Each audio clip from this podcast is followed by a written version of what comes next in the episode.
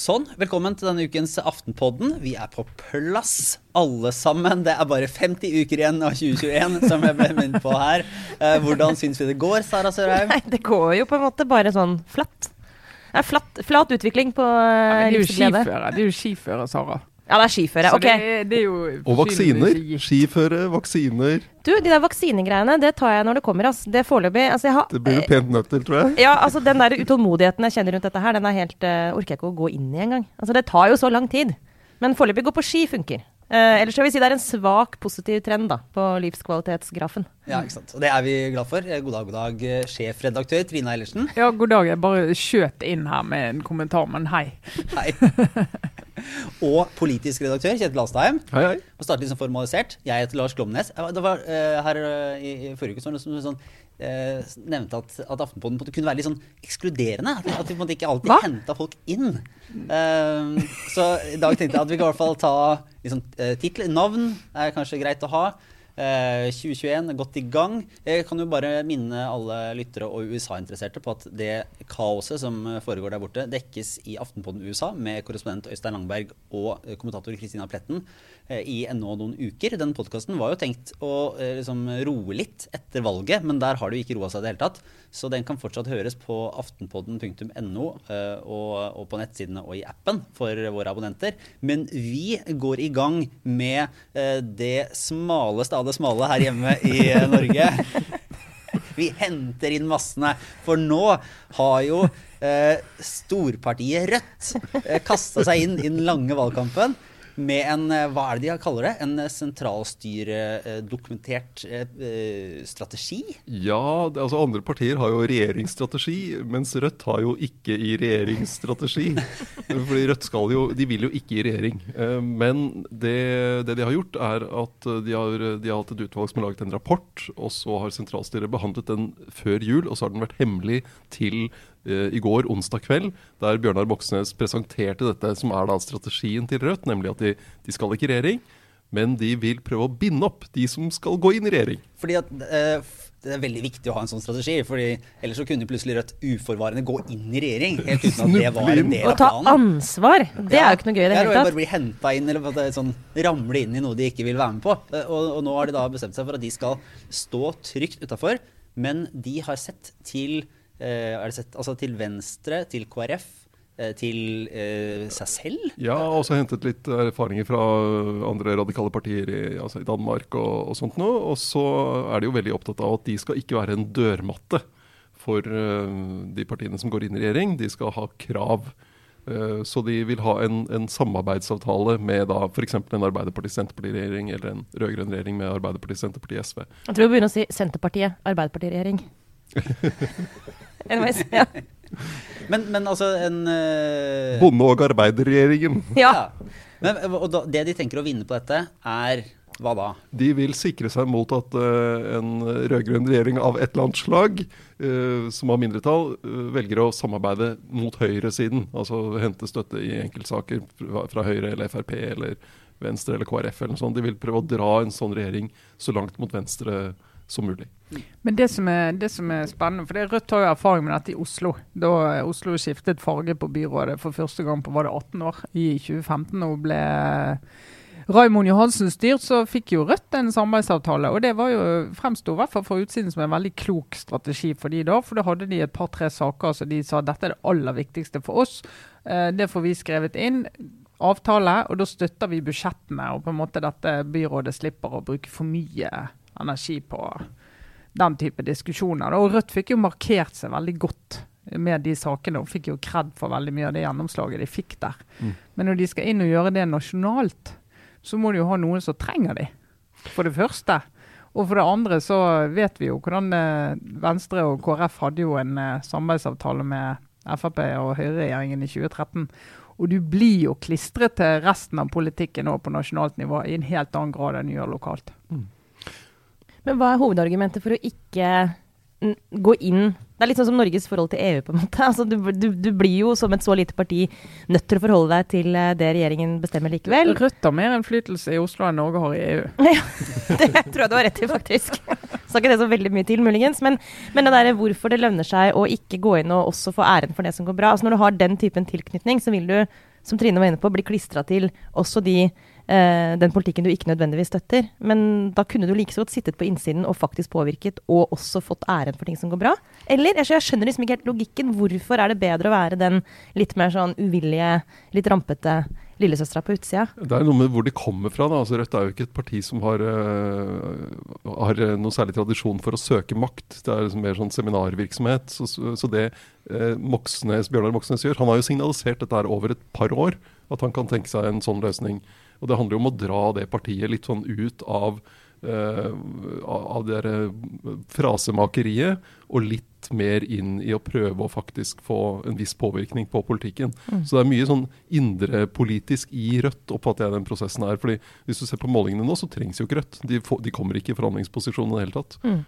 Er også interessant, men det er jo også virkelig langt inn i sånn helt eh, kremnologi. Men den der indre, der indre kampen i Rødt, de er jo fortsatt ganske intense, er mitt inntrykk. Eh, og det har de egentlig vært. altså hele den hele det partiets historie med Bjørnar Moxnes som uh, partileder. Utenfra ser det ut som at Rødt har blitt et på en måte, sånn akseptabelt parti som ganske mange type unge urbane velgere helt fint kan stemme på. Men kjernen av eh, altså de som er aktive i partiet, der er det fortsatt en veldig spent situasjon og diskusjon rundt om på en måte Bjørnar tar det i for borgerlig retning. Da. Eh, det er noen sterke spenninger der som jeg tror kommer til å være helt til den generasjonen som, som er de gamle ML-erne, rett og slett blir borte.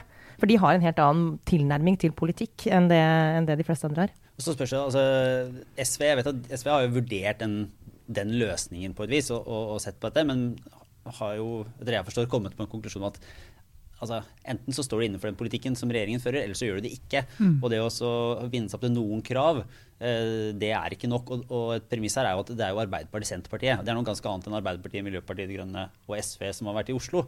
Sånn at eh, det at Senterpartiet skal føre en politikk sammen med Arbeiderpartiet som Rødt står innenfor, er veldig vanskelig å se for seg. Men, men eh, den, det som ytterligere kompliserer det, er at det, det må jo et ganske spesielt valgresultat til før det her får en praktisk betydning. Og hvordan, altså, hvordan, ser det ut nå? Det er jo ikke sånn at de fleste målinger eh, gir Rødt en avgjørende vippeposisjon. Så det er litt sånn jeg antar at ikke regjeringspartiene kommer til å inngå en samarbeidsavtale med dem av sin sånn, uh, hjertets godhet. Uh, hvis ikke de trenger Rødt til å få et parlamentarisk flertall. Særlig ikke med Rødt. Men Rødt har jo ikke noe sted å gå uansett. Uh, så de, de, vil jo ha en ny regjering. så selv om de skulle de, de, havner egentlig aldri på vippen, fordi de er, de er på en ytterkant. Og Arbeiderpartiet har jo avvist det å inngå en sånn avtale. Og Senterpartiet har vært kategorisk på at noe sånt, noe sånt nå, gjøre det KrF og Venstre gjorde i 2013, det vil de aldri være med på. De, de har kalt det unorsk og ikke i tråd med norsk parlamentarisk skikk osv. Så, videre. så det kommer, kommer, ikke til å skje. Og Senterpartiet vil jo ha den muligheten til å, å forhandle litt i begge retninger. Så det, det er, litt, det, det er uh, viktig for Rødt kanskje sånn indremedisinsk, men uh, sånn politisk sett er det vanskelig å se at det får noe betydning. Og så kan det hende at det ikke gjør situasjonen noe lettere for de andre partiene på rød-grønn side. da, For nå har jo uh, kritikken fra Høyre og fra de borgerlige har vært nå prøver de seg på den rød-grønt kaos Eh, mm. Hvordan er det Arbeiderpartiet skal komme med liksom, styre når de må inngå en skriftlig samarbeidsavtale med mm. Rødt, eller uh, ha MDG med på vippen, altså bruke alle de tinga. Så, så, det var vel sånn at eh, de, de relativt slitne strategene på Youngstorget og i Arbeiderpartiet, de sitter ikke og jubler over en sånn stor diskusjon på hvorvidt Rødt skal få en skriftlig samarbeidsavtale eller ikke. Ja, akkurat nå er det vel en liten avveksling da, fra målingene. Vi kan snakke om noe annet. Men det er jo interessant, altså, som du sier, Kjetil, at det har vært så mye sånn indremedisinsk i Rødt for å si hvordan skal vi forholde oss til et uh, nytt flertall flertall.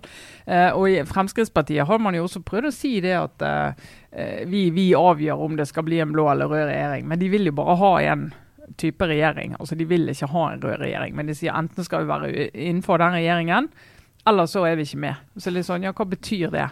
Nei, du vet du, Enten er vi innenfor, eller så de bare liksom står, og det holder jo på med i ti år. sant? Og de, og de, gjør det igjen og har det som strategi igjen. Og Det er jo kun for at de på innsiden skal på en måte føle at vi, vi er også viktige. Men når det kommer til stykker og ting blir satt på spissen, så støtter jo de den regjeringen som, som Erna Solberg leder. Mm. Men dette, dette, er jo et, i stor grad egentlig sånn type sånn uh, spill eller strategi, uh, ja, strategispill som ikke tror jeg gjør liksom politikken generelt noe godt. Altså, sånn, Overfor velgerne er det jo helt irrelevant altså, om den avtalen, om Rødt har en avtale eller ikke, hva som står der og som ikke står der. Altså, det er jo ikke ekte politikk. Eh, ja, Men det, det er ikke enig i, Sara. Altså Ja, F.eks. i Oslo, den avtalen som Rødt hadde i 2015. Den, eh, den gikk jo f.eks. rett inn i eh, altså private eh, velferdstilbydere, var jo det de var opptatt av, bl.a. Uh, og det er klart SV og Arbeiderpartiet er også opptatt av det, men ikke nødvendigvis liksom øverst på listen alltid. Men Rødt liksom går inn og sier at dette skal skje i denne perioden, som får politiske konsekvenser. Ja, Men det forutsetter jo at du er i posisjon til å stille de Ja, Du må jo være i den, avtalen, i den posisjonen, men, men sånn generelt å si at det ikke har betydning, for det har det jo. Det har politisk betydning, og det er derfor det kan bli vanskelig for Arbeiderpartiet hvis Høyre og gjengen greier å si at se her, dette er også et scenario. Sånn. Så ser jeg på målingene, så er det ikke det.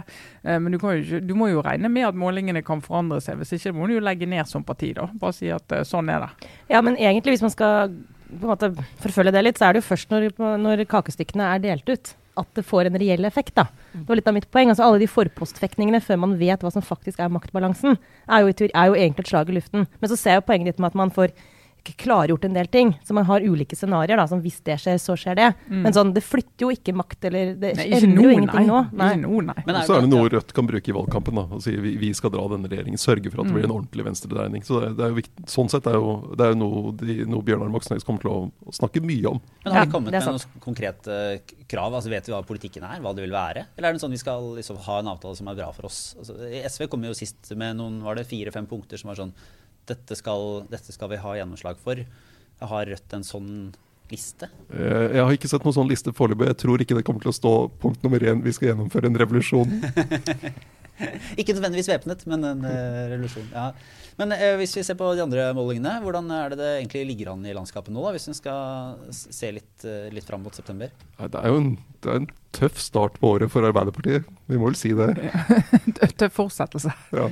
Altså, det var etter vår forrige Unnskyld. Det var etter vår forrige sending at eh, den der 17,5-målingen kom. Den kom jo på lørdag. Sjelden har så mange stått og trippa på å få se eh, papirutgaven av Nasjonen på en lørdag. eh, fordi de og Klassekampen hadde en måling som da viste 17,5. Og det er vel det laveste Arbeiderpartiet er målt på Er det noen som husker hvor lenge? Siden krigen?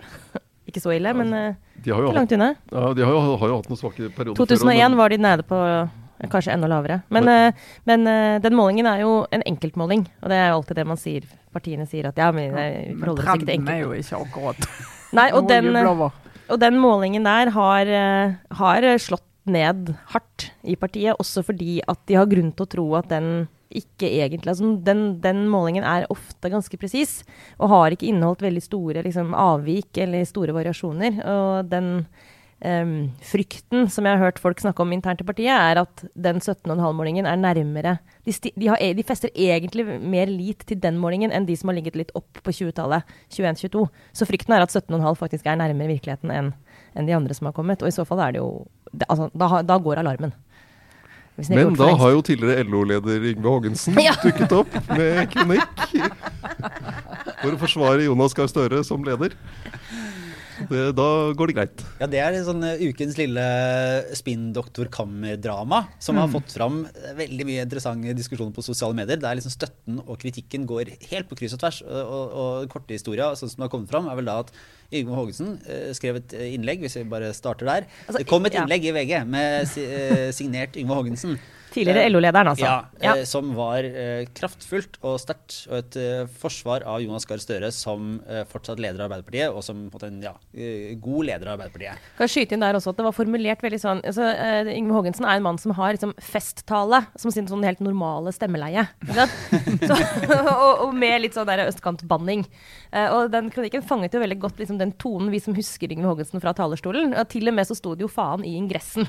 Sant? Og ordentlig sånn. Så tenkte jeg sånn her har, nesten sa, tenkte jeg, Det var så koselig, nesten. Sånn, hyggelig å liksom, høre Yngve Haagensen snakke igjen, da.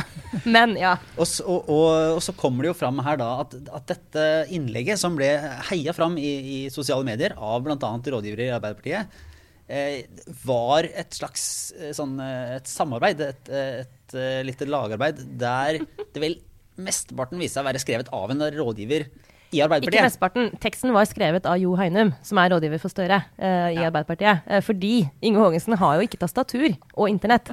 Det er noe alle vet. Men han banner litt på telefonen. Ja. Ja. Men- Men altså, Men det mest, mest interessante med det er jo egentlig at dette lekker ut. Ja, Ja. det syns jeg òg. For det at, at uh, folk si, nede i partiet hjelper uh, profiler og folk i toppen med å skrive. Det vet vi. Det skjer hver eneste dag. Jeg så Sigbjørn Aanes var ute i går og kommenterte at jøss, just dette viser jo bare at folk gjør jobben sin i det partiet. Altså, og ble det spurt ja, men ville dere skrevet et sånt innlegg for en som ikke er i partiet og ikke er aktiv nå, sånn, så ble det en sånn diskusjon om det. Men at det foregår, det er jo, det er jo ingen uh, hemmelighet. Men at noen da finner det betimelig å lekke det. Det er jo et sykdomstegn. Så det er jo det jeg håper de diskuterer i Arbeiderpartiet, hvor råttent det er å gjøre, da. Mot, uh, mot sin egen uh, ledelse. Men det kan jo også være, da, vi må ta høyde for at det kan ha vært rett og slett bare godt journalistisk håndverk av TV 2. Fordi i og med at Yngve Haagensen jo faktisk ikke skriver innlegg, også det, det, tror jeg er sånn som veldig mange vet. At han er, Det tilhører den generasjonen hvor du kunne ha sekretærer og bare kunne si sånn Jeg bare roper ut poengene mine!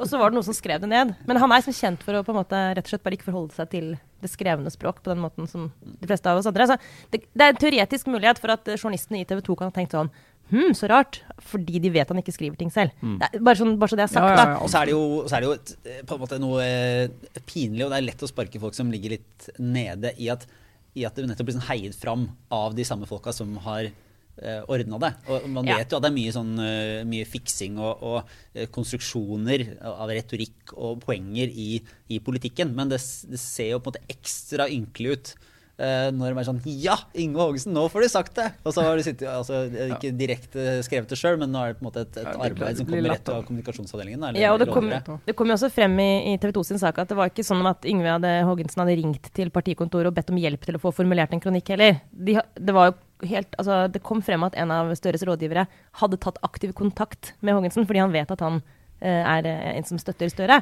og spurt om han ikke ville si noe, og sagt ja. Så er det noe med Dette er detaljer men, og kanskje bagateller. Men er, er det rart, da? Altså, jeg syns jo det er normalt politisk altså arbeid i et parti og så prøve å finne frem. Altså Når de henter frem Gro Harlem Brundtland, eh, som skal være med på diverse settinger, og sånn, så er det jo ikke fordi at hun ringer og spør, det er jo fordi de tenker at hun kan være en god profil for oss og minne folk om det Arbeiderpartiet var i storhetstiden, og nå skal hun sitte i et panel der. Ja, men kanskje Når du gjør det på vegne av partiet, mer sånn for å på, på en måte overbevise velgere fra andre altså fra, fra, andre partier, så, så gir det litt mer, da er det mer, liksom litt lettere å tenke at det er bare godt håndverk. Det, bare gjør det litt spesielt at det er jo, en, det er jo først og fremst for den interne maktkampen sin del.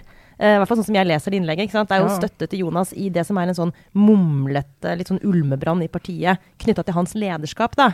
Så jeg bare synes på en måte det er noe med det som gjør det litt, litt mer sånn cunning enn bare sånn Å, han får en flott partiprofil og gjerne vil løfte frem. Så, ikke sant? Det er jo på, det ligger jo en viss Det er jo bare vanlig journalistikk, men det ligger jo sånn, det er jo en enkel øvelse å ringe Torbjørn Berntsen og uh, få han til å slenge med leppa, også da, som var utgangspunktet for noe av denne debatten her. Ja. Så en kan jo fortsette sånn i, i nærmest en evighet å ringe sånne gamle partikjemper som, som vet å rope, og så få ulike, ulike, synspunkter. Men er det litt sånn eh, bare sånn eh, presse, ikke presseetisk, men sånn debatt eh, journalistisk.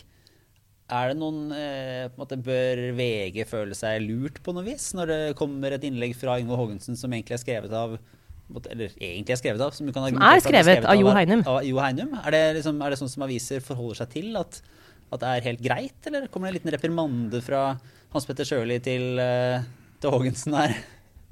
Altså, nå, nå, får jo, tror jeg ganske mange aviser får innlegg eh, hver eneste dag som ikke er skrevet av den som er satt opp som avsender. da. Det kan være en uh, informasjonsmedarbeider i en organisasjon. Uh, det kan være mange altså partiledere som skriver innlegg. Tror vi at de personlig sitter og skriver disse innleggene. Det kan være en i, i komavdelingen i et departement som svarer på noe. sant? Altså, dette her, Hvis du skal være liksom helt nede i det, det du må være sikker på, er jo at den som står som avsender, står for det som innlegget faktisk sier. sant? Og det sa jo Haagensen at han i hovedsak gjorde. Det sa han at han i hovedsak gjorde. I hovedsak, ja. men, men, om dette med at altså, vi, vi, ringer Torbjørn Berntsen og sånne ting. Det er jo, det er jo interessant at vi har, vi har jo ikke funnet, fått frem noen, noen, virkelig sentrale stemmer som sier at nå må vi nå må Arbeiderpartiet gjøre noe med lederskapet. Nå som Dagsrevyen hadde en sak her eh, på onsdag der de hadde Eh, konserntillitsvalgt Atle Tranøy som var ute og snakket. Jeg vet ikke om han har stemt Arbeiderpartiet noen gang. Han eh, ligger jo et stykke lenger ut på venstresiden. Så det er, liksom, det er jo egentlig ikke noe ønske, sånn som jeg oppfatter det, i partiet om en lederkamp nå. For det er, det er ikke noen Timingen er jo helt disaster. Timingen er håpløs, og det er ikke noen opplagt uh, uh, kandidat. Det jeg fanger opp uh, derfra nå, er, det er ikke det er, du, Jeg er enig i den analysen. Ingen aktiv lederkamp, men det er fravær av entusiasme rundt Mm. Ja. først og fremst. Ja, Ikke sant? Og det er jo et problem, det òg. Men, Ja. men, men da må ikke vi tenker jeg, i pressen i hvert fall, gi inntrykk av at det er en, en aktiv lederkamp i Arbeiderpartiet. Det er jo det der at ingen er entusiastisk, er veldig få er entusiastiske, og de greier ikke. Og det kan påvirke mobiliseringen både i partiet og blant velgerne. Sant? Det er jo det som er det store problemet. Mm. Mm. Men eh, hvis vi bare ser litt på et eh, annet parti før vi går videre her, så er det jo forunderlig å se at, eh, at Høyre og Erna Solberg kan eh, foreløpig se optimistisk inn på 2021. Ja, det, det syns jeg er veldig interessant. fordi de, de begynte jo fjoråret med, med ganske dårlige tall. Og så kom eh, pandemien uh, i mars, og da fikk de en veldig boost oppover. Uh, og så begynte det å dabbe av igjen utover høsten. Men nå de, har de liksom en, en sånn pek, Pilen peker opp igjen. Og det etter at man har hatt ganske heftige debatter om importsmitte og var regjeringen for, eh, for slapp og for sent ute på å stramme inn på importsmitte, og også diskusjonene om støtteordninger for næringslivet og permitteringsordninger. Så det har vært ganske mye kritikk mot regjeringen, men likevel så får da Høyre en, en opptur i januar. Så det, det, jeg tror det sier en del om hvor sterkt Erna Solberg står, egentlig. Mm. Ja, og På toppen av det du ramsa opp der, så kan man også legge, at, legge til at de um, nye restriksjonene som kom 3.1, er jo de hittil ja, nest drøyeste. da. Eh, det er fortsatt ikke sånn at barnehagen og skolen er helt stengt osv. Men det er klart at det der å gå inn som jeg snakket om før, og regulere hvor mange folk du kan ha besøk eh, av hjemme f.eks., er det er jo et skikkelig inngripen i folks liv. Som også man kunne tenkt seg at ville fått utslag på målingene i form av bare sånn irritasjon over at regjeringen liksom fratar deg så mye av ditt personlige bevegelsesrom. da. Men likevel, nei. Så det, det kan jo tyde på at folk på en måte bare Men tilliten er jo Ja. nesten grenseløs mellom ja. Nesten, eh, befolkning og elite. Ja, men det, det er jo helt Ja. ekstremt. sant? Jeg ser noe sånn, Nå diskuterer vi jo en, Noen få, tror jeg, diskuterer portforbud. Sant? Vi, skriver leder, og du har noen jurister som skriver innlegg og sånn. Veldig i tvil om dette er en stor eh, veldig debatt ute blant folk. Jeg tror veldig mange tenker sånn Nei, men altså, hvis Erna tenker at det er det som må til, så får vi jo bare altså, sånn, Så tror jeg nok, hvis det faktisk skjer, så tror jeg folk vil virkelig tenke hva skjedde nå? Stoler ikke de på at jeg kan høre på disse anbefalingene? Men sånn som nå, så er ikke det en debatt der ute som jeg tror eh, er negativ for regjeringen. Liv eh, f- Veldig foruroligende liten forskjell på om det var portforbud eller ikke. Whatever. Men, også, Praktisk betydning null. men hvis du tar helt helt overordna bare sånn blikket på det, så går det jo utrolig bra med den håndteringen i Norge. Altså dette her er jo, Vi diskuterer disse tingene som vi har nevnt nå, men sånn helt sånn makrobildet er jo at uh, denne, altså, dette har gått foreløpig bank i bordet ganske bra. Uh, og det er jo det liksom, etterlatte inntrykket uh, hos folk flest er vel at regjeringen har håndtert dette godt, og det bygger opp under en sånn både tillit og også da rett og slett at Høyre gjør det bra pga. det. Bare for å si det, for å dra det inn i valgkampen. for Jeg snakket med en i Høyre så sa de at eh, for de nå, altså den statsministerrollen, altså Ja. hvem skal styre dette landet? Altså Mer enn noen gang kommer i det og ikke minst fordi at Støre står så svakt. Og liksom eh, Erna Solberg har jo oppslutning selv i opposisjonspartiene, sant, som liksom den de stoler på. Eh, at de kommer til å kjøre på det, og kommer til å fiske veldig i det der. Ja, det kan jo bli eh, Vedum som blir statsminister. For det er klart, eh, Senterpartiet har jo, har jo vokst, men Senterpartiet er også et parti som enten så sitter du og vurderer å stemme det og faktisk sier det til meningsmålene, eller så får du helt noia ved tanken. Og alle de som får helt noia ved den tanken, de tenker at hvis vi kan mobilisere de og si ja, jeg må, jeg må i hvert fall sikre at det ikke blir Vedum eller hva var det han het igjen, han i Arbeiderpartiet? Du skal se at pandemien vet du, det er Høyres finanskrise. Redda Jonas i 2000, nei, unnskyld, Jens Stoltenberg i regjeringen i 2009. Skal det komme her og skal gjerne få gjenvalg pga. pandemien. Så skulle jammen ikke forundre meg. Mm. Men vi får se. Jeg lurer på om eh, vi går videre til eh, det som eh, vel var sist vi, vi fikk det ikke med i vår, vår lille frampekt på hva som skulle skje denne uka i politikken forrige uke, og fikk berettiget kjeft for det. kjeft for det da vi på torsdag ikke nevnte at regjeringen kom med sin store klimamelding på, oh, Gud, på nå- fredag. Først nå skjønte jeg hva du hele tatt sikta Ja. til. Ja. Eh, Det, det det, er- det er vår tids største utfordring. Og sånn, Og den der, ja. ja Men en, en av Mm. kritikerne mente at det var ingen i panelet som var særlig opptatt av klima. Og da tenkte jeg det var feil. Litt urettferdig mot deg, Kjetil. Det er vel ingen i Norge som har skrevet mer om klima enn deg på redaksjonell plass. Men du er fortsatt på det prøvetid i poden, da. Så vi, ja. Ja, for, men er det, er, det, er grunnen til at, den, eh, at, at det, det, var, det var jo en ren forglemmelse da vi ikke snakka om det forrige torsdag. Men eh, har Sveinung Rotevatn rett når han sier at alle er enige om at dette var en veldig god plan? Eh, jeg tror Ja, det tror jeg vel er Det kommer til å bli debatt om den. Men, men eh, de, de, tok jo vekk noe av det som kunne blitt en sånn stor debatt med en gang, hvis de hadde liksom skrudd til på rødt kjøtt, som jo var det Senterpartiet har ladet opp til nå i flere år. Den store uh, biffdebatten. Men der de, er de jo veldig forsiktige. Så det, den, det liksom, og da hadde, hva, hva, skal de diskutere nå? Det som er, det som er interessant med den, den klimameldingen, er jo hvordan klimapolitikken blir i dette tiåret. Fordi mm. Før, når man har satt klimamål, så er det sånn vi skal greie et eller annet i 2020, og så er det ti år til, og så ser vi åssen det går. Å nei, det gikk visst. Å, kanskje det går. Men eh, nå, Vi må jobbe veldig hardt de siste tre åra for å få til dette her. Ja. Men nå har vi jo eh, Norsk klimapolitikk er jo fullstendig integrert i EUs. Og så er det, det er delt i to, veldig teknisk og sånn, men det som da er transport og altså samferdsel, landbruk, avfall, ikke-kvotepliktig sektor, som man sier. Der har vi nå klimabudsjetter ikke bare for et mål vi skal nå i 2030, men for hvert eneste år fremover. Som vi må nå. Så det blir en mye mer uh, konkret debatt her og nå. Ok, Hvordan når vi det målet i 2021, 22, 23 osv. Sånn at de partiene som nå sier ja, men det, du kan ikke bare da hakke løs på de ulike uh, forslagene som regjeringen kommer med. Da må du også si da må de også svare på ja, men hvordan skal dere da mm. oppnå uh, sånn at vi uh, holder uh, budsjettet og ikke får en, en straff fra Brussel fordi vi slipper ut for mye. Og Da nytter det ikke å plante flere trær, for de har ikke vokst opp før om mange år. Nei, og trær er en litt egen kategori. Men dette er jo veldig veldig bra, ikke sant? Altså fordi hele tiden som du var inne på, den der eh, bekymringen rundt at det er såpass upopulært her og nå å innføre tiltak eh, av klima- eller miljøhensyn, at det er mye enklere å bare dytte det foran seg, dytte det foran seg, og at politikere som er mest opptatt av sitt eget gjenvalg, aldri egentlig vil ha reell vilje til å gjøre liksom, gåseøyne upopulære grep. da. Mm. Det har vært det der gjennomgangsmelodien i alle disse årene. Nå er det over, kan vi si det? Altså, Nå er det punktet forbi? Eh, ja, i hvert fall. Det blir i hvert fall uh, ikke altså, vedtatt, da. Nei, Nei jo, men den, planen, den avtalen med EU er vi jo forpliktet av. Ja, ja, men altså den norske eh, klimaplanen. Ja, men da hvis vi ikke tar de tiltakene regjeringen har kommet med, så må det, må må det komme noe andre. Men det er jo det som er Det var jo spennende, for jeg hørte Politisk kvarter i dag. Da var jo SV og Senterpartiet, Ola Borten Moe og Kaski Uh, og det, det, er jo aldri så lite strekk i laget på, på den siden, ja. må vi kunne si, i disse spørsmålene. Altså hvis de skal altså de, hvis de skal overta, hva type løsninger er det som vil bli de vanskeligste for de å bli enige om?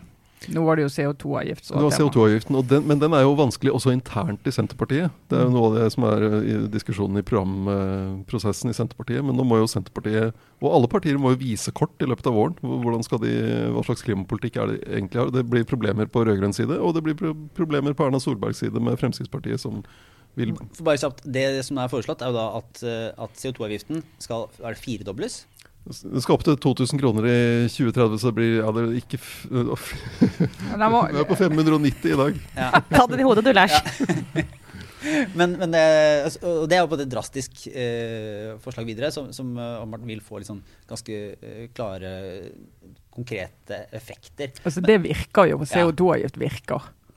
Det er det viktigste virkemidlet i den meldingen som er uh, lagt frem nå, pluss altså biodrivstoff er også viktig. Den kommer til å skjære gjennom den eventuelt uh, nye rød-grønne regjeringen. Jeg bare la merke til at det er bare en uh, helt liten bagatell, men Ola Borten Moe Det virker som han tok det som en nesten personlig fornærmelse at han ble introdusert på Politisk kvarter i dag som tidligere olje- og energiminister, vært med å starte et oljeselskap. Uh, og nå Ja, det var vel de to tingene Ingunn Solheim sa. Ja, og så jobber han på oljeplattform. Ja. Og da, da var han sånn her Før jeg skal svare, vil jeg bare liksom omtrent en sånn der, Jeg vil ha meg frabedt at jeg alltid skal bli introdusert på denne måten. Og liksom det, Han reagerte litt på det. Mm. Altså, jeg jobber på en oljeplattform som utrolig mange andre. Uh, og da tenkte jeg liksom at jeg tror, jeg tror på en måte det er å starte et oljeselskap Hvis du har gjort det uh, som tidligere olje- og energiminister, så må du egentlig leve med at det blir nevnt. Det er sånn bitte litt relevant, særlig når du uttaler deg i den debatten. Så jeg bare tenkte sånn at Han hørtes litt sånn uvanlig gretten ut, ja, eh, Borten Moe. Altså, ut... Symptom kanskje på at det der ikke er verdens letteste sak i Senterpartiet heller. Nei, det var akkurat det, det, var akkurat det mitt inntrykk. Og jeg tenkte sånn at dette her er, skjønner jeg at det er slitsomt, men sorry, dette må du faktisk bare Du må mm. stå i det. Du kan ikke bli sur. Men, men er det sånn alle partiene er enige om at man skal ha en sånn plan som er år for år? Har, det må de jo. Ja, altså, det, den, de det, det, var bare Senterpartiet, det var bare Senterpartiet som stemte imot den pga. noe sånn Da var det uklart hvordan nettopp disse trærne og sånn skulle telle inn. Men Fremskrittspartiet var jo, satt jo i regjering og var med på å fremme uh, forslaget om at uh, Norge skulle lage den avtalen med EU. Eh, det Frp er opptatt av, er å bruke det som er Det er visse sånne fleksible løsninger som er, jeg ikke skal gå inn i detaljer her, men som man kan nettopp, snork, eh, da, som man kan bruke for, hvis man uh, ikke får til å kutte hjemme. Men det blir, det blir også en del av den. Da, da kan du spandere noe CO2-kutt på andre. Ja, da kan du, du kan, skal, skal, du ha detaljer her? Du kan nei, nei, ta men, du, Jo, da skal du høre her, Trine. Men, men, jeg syns det er interessant akkurat det der, fordi den lille spenningen der, hvor mye skal du ta hjemme, og hvor mye skal du eh, gåsetegn kjøpe deg fri fra ved å kjøpe kutt et annet sted. Ekstra kutt fra Bulgaria f.eks. Ja. Eller du kan, andre løsningen er å veksle om kvoter fra kvotepliktig sektor til ikke-kvotepliktig sektor. Ja, Altså fra olje- gassverden og industrien Industri, ja. til eh, landbruk, transport. Ja. Så da strammer du egentlig litt mer inn i industrien og olje osv. Og, og litt mindre inn på samferdsel og den slags. Ja, Men det er spennende, fordi at, nettopp fordi at nødt, når du har gjort det på den måten der, så må du egentlig regne det tilbake. Hvis vi skal være her i 2025, hva må skje da? I 2021, 2, 3 og 4. Og det er ikke sånn ja, da må folk endre holdning, og vi må mm. håpe at Det er virkelig konkret, da. Og du kan ikke bare komme unna med at nei, dette var for vanskelig. Var det det her som var et sånn, er det dette her som er et klimabudsjett som MDG fikk igjen i Oslo, og som veldig mange lo av i sin tid? Nei Ja, nei, det, ja, det vet jeg. Det, det, altså, det er jo en Ja, det, er, ja kan, det blir jo et budsjett, utslippsbudsjett for hvert år fremover. Det gjør det. Altså maksgrense. vi har jo Nasjonal transportplan som forkortes NTP. Vi kunne jo kalt dette Nasjonal klimaplan og forkortet til. For det har vært litt gøy. Ja. Ja, ja. Nei, men eh, jeg tror vi eh, runder av eh, med den, og så følger vi videre. Men det er, det er egentlig ikke venta noen store politiske slag på dette, men masse sånne interne spenninger på alle kanter. Altså, trenger, det er en melding, så du trenger ikke komme ut med et, en stor enighet. Det er bare regjeringen kom, sier at dette, dette, sånn tenker vi. Men det vil jo da avtegne seg noen altså Greier de rød-grønne partiene å samle seg om noe, f.eks.? Mm. Nei, vi får se. Da tror jeg vi går videre inn i en runde med obligatorisk refleksjon. Uh, og jeg vet ikke, Sara, om du har lyst til å begynne? Gjerne. Det har uh, rett og slett uh, aldri så galt at det ikke er godt for noe, holdt jeg på å si. Den hendelsen forrige onsdag, altså stormingen av kongressbygningen, som jo er fortsatt egentlig helt sånn sjokkerende ting å tenke på at skjedde i virkeligheten. Og på nesten blir verre og verre jo mer detaljer som kommer, kommer ut av, mm. ja, av, dette her. Absolutt. Og, det var egentlig litt av poenget mitt også. at det, det eneste positive med dette er at det har vært gjort utrolig mye veldig veldig solid og god journalistikk i etterdønningene her. Uh, men jeg har også hørt med stor glede på flere episoder av The Daily, som er podkasten til New York Times. Den jeg hørte i dag, uh, det er The Daily fra i går, altså fra onsdag denne uken. som handler om hva som har skjedd med de sosiale Altså med disse ulike gruppene på sosiale medier i dagene etter, etter stormingen og hva som har vært effekten av den mye omdiskuterte stengingen av bl.a. Twitter. Og det mest sånn, det mange har vært opptatt av, og mange av, i sånne jobber som oss har brukt mye tid på å diskutere denne uka, er jo at Twitter kasta ut Trump. Uh, Facebook det samme. YouTube har stengt kanalen hans. Big Tech, som de, de, liker å, å, kalle dem, har liksom uh, no-platforma, på godt norsk. Trump. Men det er ikke bare Trump. sant? Det er jo også hele egentlig den store diskusjonen på disse åpne, store sosiale mediestedene som har blitt stengt. De har tatt ned eh, sånne Proud Boys-grupper, og de har tatt ned eh, egentlig alle de Eller veldig mange av de åpne foraene. Og denne episoden av The Daily den handler om Det er rett og slett et, et intervju med en journalist som bare har fulgt med på disse gruppene, og beskriver hvordan effekten av denne stengingen er. Først så forsvant de fra Facebook og Twitter og flytta seg over til litt mindre grupper. Parlor. Parlor, ja, det nye stedet. Som da Amazon sa at nei, dere får ikke lov å bruke uh, våre, våre og uh, for å drive disse stedene her. Så de ble jo egentlig skjøttet ned. Og. Ja, det var akkurat det. Det var skritt nummer to. Amazon trakk ut uh, kontakten til bl.a. dette stedet Parlor, som er litt mer hemmelig, men fortsatt åpent. Og hennes poeng da var at, og det er egentlig det som jeg skulle fram til, var at Dermed så flytta de seg helt over til lukka sider, som er krypterte, sånn som um, Signal f.eks., altså apper, hvor du må vite hva du leter etter for å helt tatt få tilgang. Og det syns jeg er en veldig interessant diskusjon, for hva effekten av det er. Du fjerner jo støy da, fra vår offentlighet. Eh, og du fjerner jo også mange eh, scener, muligheter for disse menneskene til å nå ut til folk med budskapet sitt. Men samtidig, og det, og det kan du si er bra, men på den annen side så gir du også da sånne ekkokamre hvor denne konkrete planleggingen av voldelige opptøyer nå foregår uten at sånne som oss får tilgang. Ja, eller politiet og FBI forklarer Det er mye vanskeligere for de å overvåke de også, da. mm. når de er så fragmenterte ute i disse krypterte stedene. Men det som jeg synes er eh, altså, hvis vi skal ta den debatten, for vi har jo den debatten var det riktig å kaste ut av, er det riktig å stenge, og bør ikke alle få lov å si, og så skal vi heller ta alt i åpent lende og sånn. Og Da er det jo noen som mener at det var helt åpenbart riktig, og noen som sier at dette er problematisk. Eh, men det som jeg savner i denne debatten, er å prøve å se det virkelig fra amerikansk ståsted. Mm. Og prøve å se at hvis det var i Norge eh, for Det er lett å si ja, vi må jo høre hva verdens viktigste mann sier. Eh, og Han bør være på Twitter. og han bør. Men det er en helt helt unik situasjon at landets leder bruker sin makt og sine plattformer til å oppfordre folk til det som da blir voldelige opprør. Og når det har vist seg å bli, og han vil si det er ikke det jeg gjør, men når det har vist seg at det ble voldelig, så slutter han jo ikke. Mm. Uh, og den situasjonen er så unik at jeg tror når du sitter som uh, sjef i Facebook og Twitter og disse svære plattformene og prøver å forholde deg til det, så kan ikke du sitte på sånn seminar i 14 dager og tenke gud, hva er riktig og prinsipp og etisk og sånn. Du får bare litt sånn panikk for at din plattform brukes til å starte voldelig opprør med commander in chief for mm. helt feil styrker, som driver og oppmuntrer de. Så liksom prøve å skjønne denne psykologien i det for oss som sitter så langt unna i et lite, transparent land. altså Hadde noen forsøkt det samme her, så hadde jo liksom en hel haug med folk reist seg opp og sagt 'hallo, mm. god natt'. Gå og legg deg, steng ned. Sånn vi, har, vi, har, liksom dette i en så liten skala sammenlignet med det de har i USA, at vi har det egentlig ikke. sant? Men samtidig så er det også den der um, effekten altså, av at du, du, du stenger av du, du, bare går inn og setter en stopper for en offentlig samtale. sant? Det, det, er jo ikke en samtale, akkurat. da. Nei, det, det kan du si. Nei, det kan du si. Men innsyn, da. sant? Altså, ja, oversikt. Du kan se hva som foregår. og Det er jo ja. viktig for journalister og det er viktig for, uh, for, eh, politiet å kunne se hva som foregår og kunne holde oversikt. Jo, men men så er det jo den rekrutteringsmuligheten de har, da, som er helt ekstremt god på Facebook, bl.a. Jo, men den andre siden av det er at når det er åpent, så er det også mulig å komme og gi korrek et korrektiv. ikke sant? Eh, og så kan du si at det kanskje evnen til å lytte ikke er sånn veldig utbredt da, blant uh, de fleste Nei, der. For tilliten til de andre er jo borte. Ja. Så det er jo ikke vits å høre på de andre. Så korrektivene de fungerer ikke lenger. Og så, og så blir det, det akkurat som jeg også syns var interessant i den Daily-episoden, var jo hvordan hun beskriver at disse gruppene nå er De har jo mistet uh, kontakten med hverandre. Mm. Uh, så de greier ikke å koordinere på samme måten som de kunne uh, for, før det ble stengt ned. Mm. Og i en situasjon der det er snakk om angrep på delstatsforsamlinger, nytt angrep på Washington DC. Det å hindre den koordineringen er jo jeg, Jeg vil si at eh, jeg tipper i retning at det er, det er en klok klok ting å gjøre. Ja, helt til de klarer å finne ut av det. da, ikke sant? Ja, akkurat nå har det kanskje hatt en effekt. Nå har det klart å stoppe en eh, helt Kanskje, kanskje det blir istedenfor 100 000 blir det 10 000 demonstranter. altså, Det har sikkert fått en positiv sånn sett effekt mm. akkurat nå, men de, de, er jo ikke, altså de kommer jo til å klare å finne måter å snakke med hverandre på igjen. Eh, forskjellen vil være at det vil være eh, helt eh, på krypterte nettsteder som selv ikke politiet i utgangspunktet vil ha anledning til å gå inn i.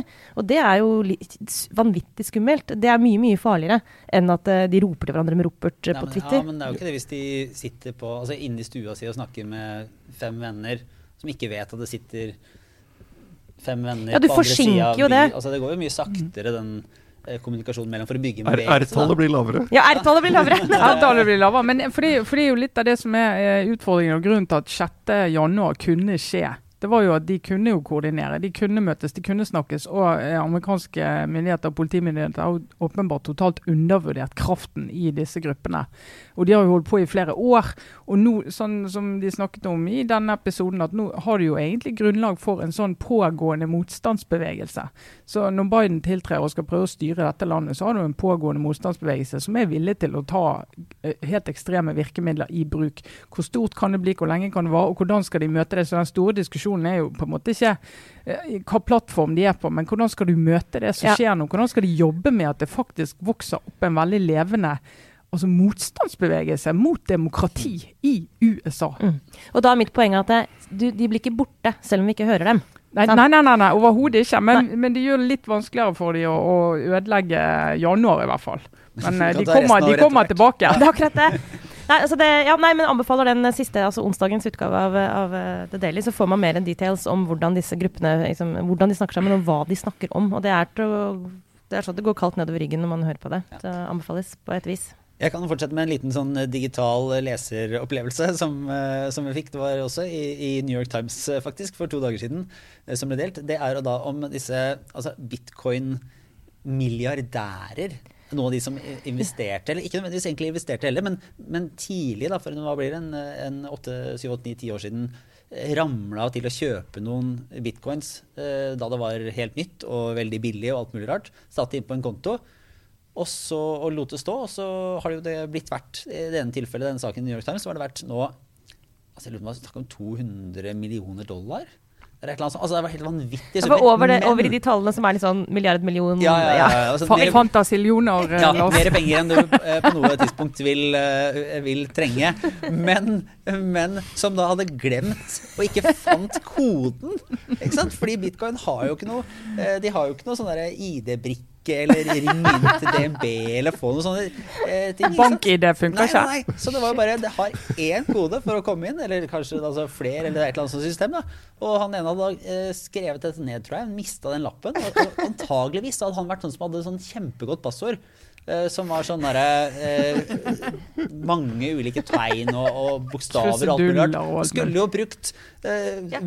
bursdagen sin, eller, eller Endelig, endelig liksom hevn til oss som har sånn mellomnavn eller bursdagen sin eller sånne passord. Men det var, det var helt, uh, helt, utrolig, og heldigvis for, for vedkommende så virka det som de hadde investert riktig og hadde nok av penger. Så det var jo strengt tatt ikke Eh, var, de bodde ikke på gata eh, med, med, så mye penger på sida, men, men, det var liksom det var ingenting å gjøre med. For systemet oh, skal får... være så trygt at du må ha det. Så tror jeg han hadde, det var ti forsøk på å klare det. Ja. Og han hadde kommet til forsøk åtte. Uh, og, og, når du da ikke klarer det på ti forsøk, så, så bare låses den for alltid. Pukk-kode. Ja. så og, det der, og, og, du bare ser, og nå får jeg så bilder i hodet, og sitter der var det X, eller var det sånn alfakrøll jeg brukte? Ja, var den bokstaven stor eller liten? så ja, hva skal jeg si, det, det, er jo kanskje ikke de i verden som fortjener mest sympati, men uh, det var en, uh, en herlig liten leseopplevelse. Situasjonen går an å sympatisere med. Så det var min lille anbefaling, da. Ja, ja. Uh, denne saken i New York Times som jeg skal lenke til i nyhetsbrevet, som kommer nå på torsdag ettermiddag og kan nås av abonnenter. Kjetil? Ja, uh, da kan vi jo gjøre noe hyggelig. Komme en liten hyggelig USA-anbefaling da, eh, oppi alt dette. Eh, nå som vi ikke kan gå på kino her i byen. Eh, så en film jeg ikke fikk sett på kino før det ble stengt ned, var On The Rocks. Sofia Coppolas nye film med Bill Murray og ja. det, og det er veldig Og Rashida Jones som spiller den, og veldig fin New York-stemning. Så hvis man savner det og hyggelige ting fra USA, så er det en veldig, veldig fin film. Der denne Rashida Jones spiller da en dame som begynner å mistenke at mannen kanskje er utro, og så søker hun hjelp hos sin far, Bill Murray, som eh, har levd et ganske utsvevende liv. Og han engasjerer seg veldig i denne saken for å finne ut av det, og det blir ganske morsomt og fint. Så den, eh, For en avkobling både fra korona og Trump og det hele, så går det an å se den. Den er på Apple TV i hvert fall. Ja. Bare en liten tanke som slo meg siden vi kom, snakket om TV. Det gjør vi jo ofte ja. her. For det er jo det ja. folk driver med nå. Vi gjør jo det. Så jeg har jo sett Babylon Berlin. Eh, den uh, siste sesongen sitter ute. Er veldig stråle, stråle tysk serie. Men eh, det som er med den serien, det er jo at den handler jo om årene Eller det er ikke det han handler om. Han handler jo om Berlin og detektiver i Berlin, og de skal løse mysterier og drap og diverse. Men bakteppet er jo et Tyskland som er på vei inn i Hitlers, uh, Hitlers regime. Uh, og det er jo spennende å se, og det vet vi jo hvis du har, eh, når vi har lært i historien hva som skjedde i de årene der, og hvor opptatt en god del var av å skape uro og undergrave eh, tilliten til myndighetene. Og hvordan du skulle bruke sånne grupper i ytterkanten, voldelige grupper i ytterkanten, NSDAP, ungdomsgrupper og sånn, til å drive med en del vold. Sånn at folk skulle bli utro og tenke at vi trenger en uh, sterkere grep om dette. Vi trenger at noen virkelig tar hånd om det, får ristet i det. Sånne paralleller til, uh, til land vi elsker å sammenligne oss med, er, er veldig interessante da, hvis du går inn i tysk historie. Så det, la oss endelig gå inn i mørket. Ja. kan jeg bare nevne, da? Da, men, ja. Jo, men da kan, jeg, da kan jeg hente oss litt inn igjen. Jeg tenkte jeg måtte ødelegge det, Ja. Kjetil. Jo, men da jeg har lyst bare én setning tilbake til New York også. Bare for å, bare for å avslutte på en sånn koselig sånn Tenk når vi kunne reise. Jeg har ikke sett den ennå, men jeg gleder meg så veldig til å se den der på Netflix, den med Fran Lebowitz i samtale med Martin Scorsese.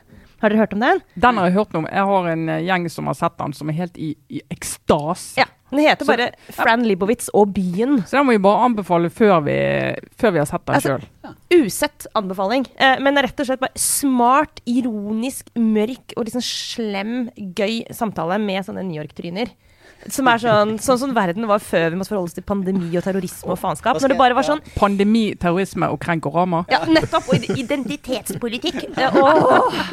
Dette her gleder jeg meg til. Det skal jeg virkelig bare hoppe inn i. Ja, det er en, liten, en herlig liten scene fra trikketuren eh, ned eh, her til jobb i dag, for jeg er jo faktisk på kontoret. Der jeg, det satt en, ja, en god gammeldags eh, enten full mann eller litt gal mann eh, bak på trikken og sang og prata med seg sjøl. Og jeg ble sånn Å, sånn var det for eh, et drøyt år siden også. Det har jeg ikke, har ikke hørt Når på du kunne treffe folk utenfor kohorten. Ja, Ja. så det var hyggelig. Ta det med dere inn i eh, uke tre av 2021. Og da er vi tilbake neste uke med en ny utgave av Aftenpodden. Takk, takk. Det var oss. Ha det bra.